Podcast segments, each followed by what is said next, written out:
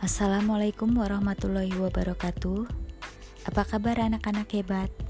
Pada kesempatan kali ini, Ibu akan menyampaikan layanan tentang percaya diri.